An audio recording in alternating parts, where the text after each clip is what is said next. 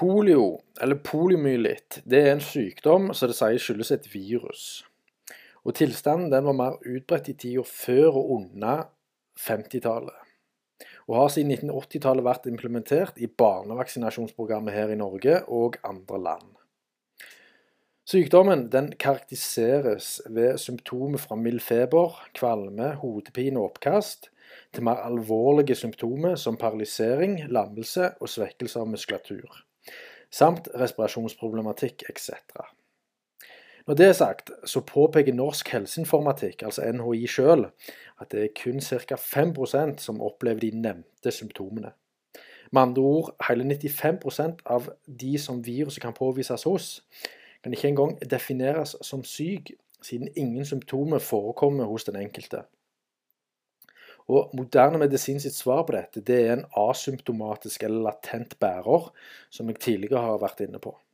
Som i all hovedsak er en hypotese som legges fram som en bortforklaring i situasjoner hvor objektiv og repeterende påvisning av et virus, som, for, som per definisjon aldri har blitt isolert og identifisert, brukes.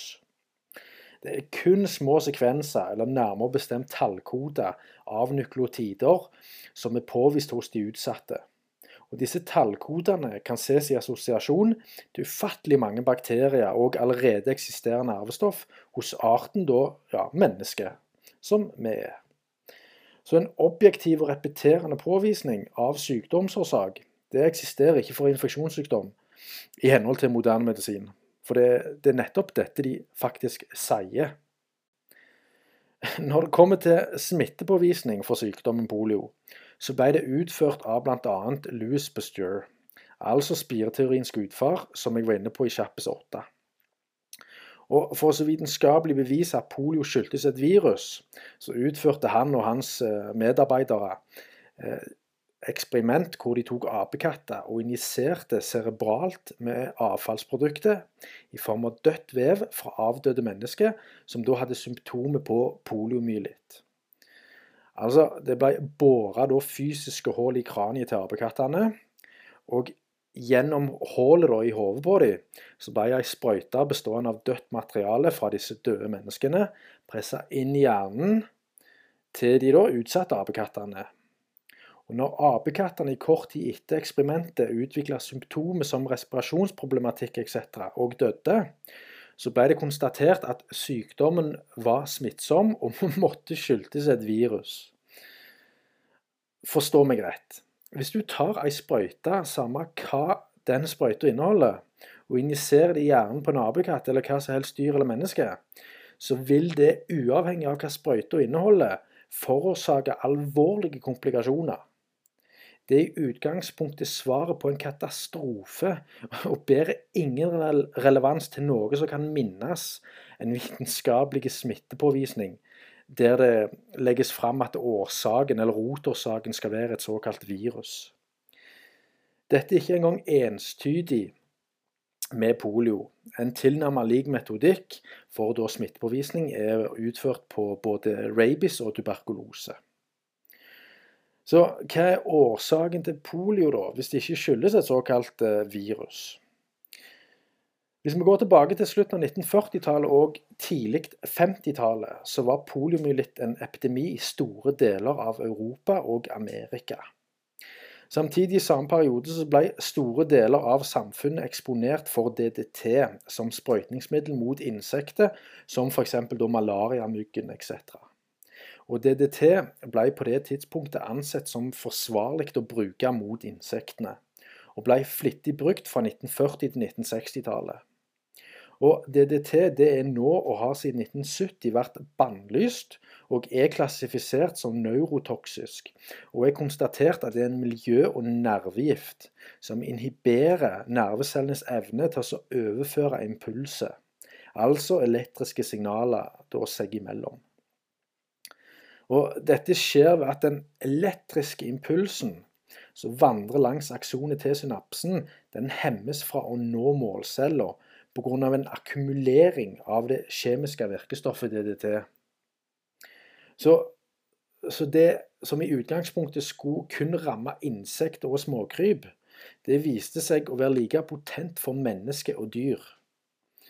Og DDT det ble den, i den perioden spraya over avlinger, parker, grøntareal eh, da generelt, eh, strender, skogholt, eh, både ved hjelp av kjøretøy og fly. Og Før perioden med DDT så ble det benytta kjemiske cocktailer bestående av arsenikk og bly. Da spesifikke mot sigøynermøllen, som sto for utryddelse av flere avlinger og vegetasjon. Og det er anerkjent for så langt tilbake som 2000 år siden at arsenikk i seg selv forårsaker komplikasjoner ved forgiftning som paralysering, og i seinere tid det som defineres som polynevritt, bl.a. Dette tatt og i betraktning så har polio vært en sykdom som sporadisk har kommet og gått over tid som da kan ses i assosiasjon med bruken av arsenikk. For det har seg sånn at Arsenikk ble før i tida benytta som konserveringsmiddel for økt holdbarhet på mat, som f.eks. frukt og grønnsaker. Eller pga. dens egenskap til å gi rødhet og sødme til vin og sukkertøy. Eller som ingrediens i sigaretter og kosmetikk etc. Men, men det stopper ikke der, for dette her neurotoksiske kjemikaliet det har siden Hippokrates i tid kontinuerlig blitt brukt som behandlingsform mot sykdom, tro det eller ei. Så langt fram som til tidlig 1900-tallet har arsenikk blitt brukt som behandlingsform. Snak, nå snakker jeg spesifikt i forbindelse med syfilis. Og da i format arsen. Det samme kan også sies om kvikksølv, som jeg òg tidligere har vært inne på. Så, så det at polio har eksistert over lang tid, det kommer jo ikke som en overraskelse i det hele tatt. Og de hardest ramma individene i forbindelse med sykdommen, det var, og til en viss grad i dag er, barn og spedbarn. Altså ei gruppe som i utgangspunktet besitter små kropper, og som naturlig krabber, beveger seg og utforsker terrenget samt den naturlige trangen til å smake og røre ved det meste som opptrer foran øynene på dem.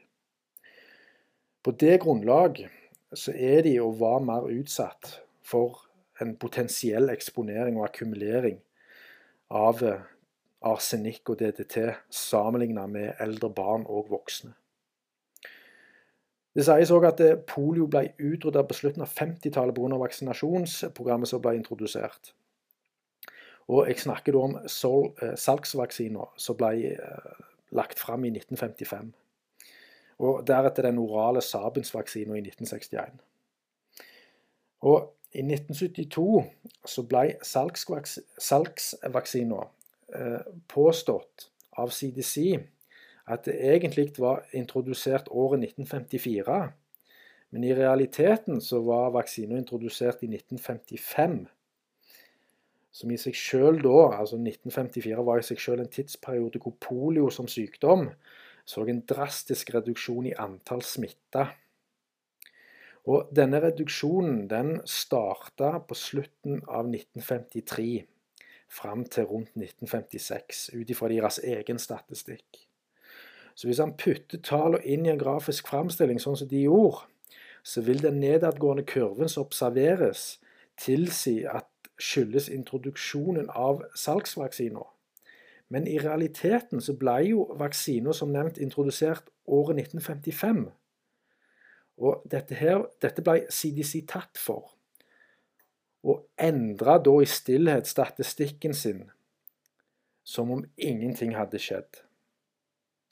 Så deres egen statistikk den favoriserer ikke engang introduksjonen av vaksinen. For den kraftigste nedadgående kurven den forekom allerede ett til halvannet år før. India er et land som polio eh, da fortsatt eksisterer i til en viss grad. Samtidig er India et land hvor det til stadighet påvises miljøgifter som arsenikk i grunnvannet. Og En annen innfallsvinkel er den nye sykdommen AFP, som står for akutt flaccid paralysis som har et identisk sykdomsforløp sammenlignet med polio. Og AFP har sett en enorm økning i landet de siste år. Det samme kan også sies sies om NPAFP, som står for non-polio acute flaccid paralysis. Som begge, når du ser på de, er reklassifiseringer av en allerede vel kjent sykdom, da kalt polio. Og Sistnevnte, NPAFP, øker òg i området med poliovaksinering, som da er informasjon tatt fra National Polio Surveillance Project. Og enda en ny form for polio er sykdommen kalt EFM, nei, unnskyld, AFM, som står for akutt flaccid myelitis, som gir CNS-betennelse. Og i India så er DDT, arsenikk, bly og formeldeheid fortsatt i bruk og med begrensa HMS. Så en potensiell eksponering er stor sett opp mot andre land, uten tvil. Og Som et eksempel så sprøytes det fortsatt med det neurotoksiske og bannlyste virkestoffet DDT i håp om å begrense malaria.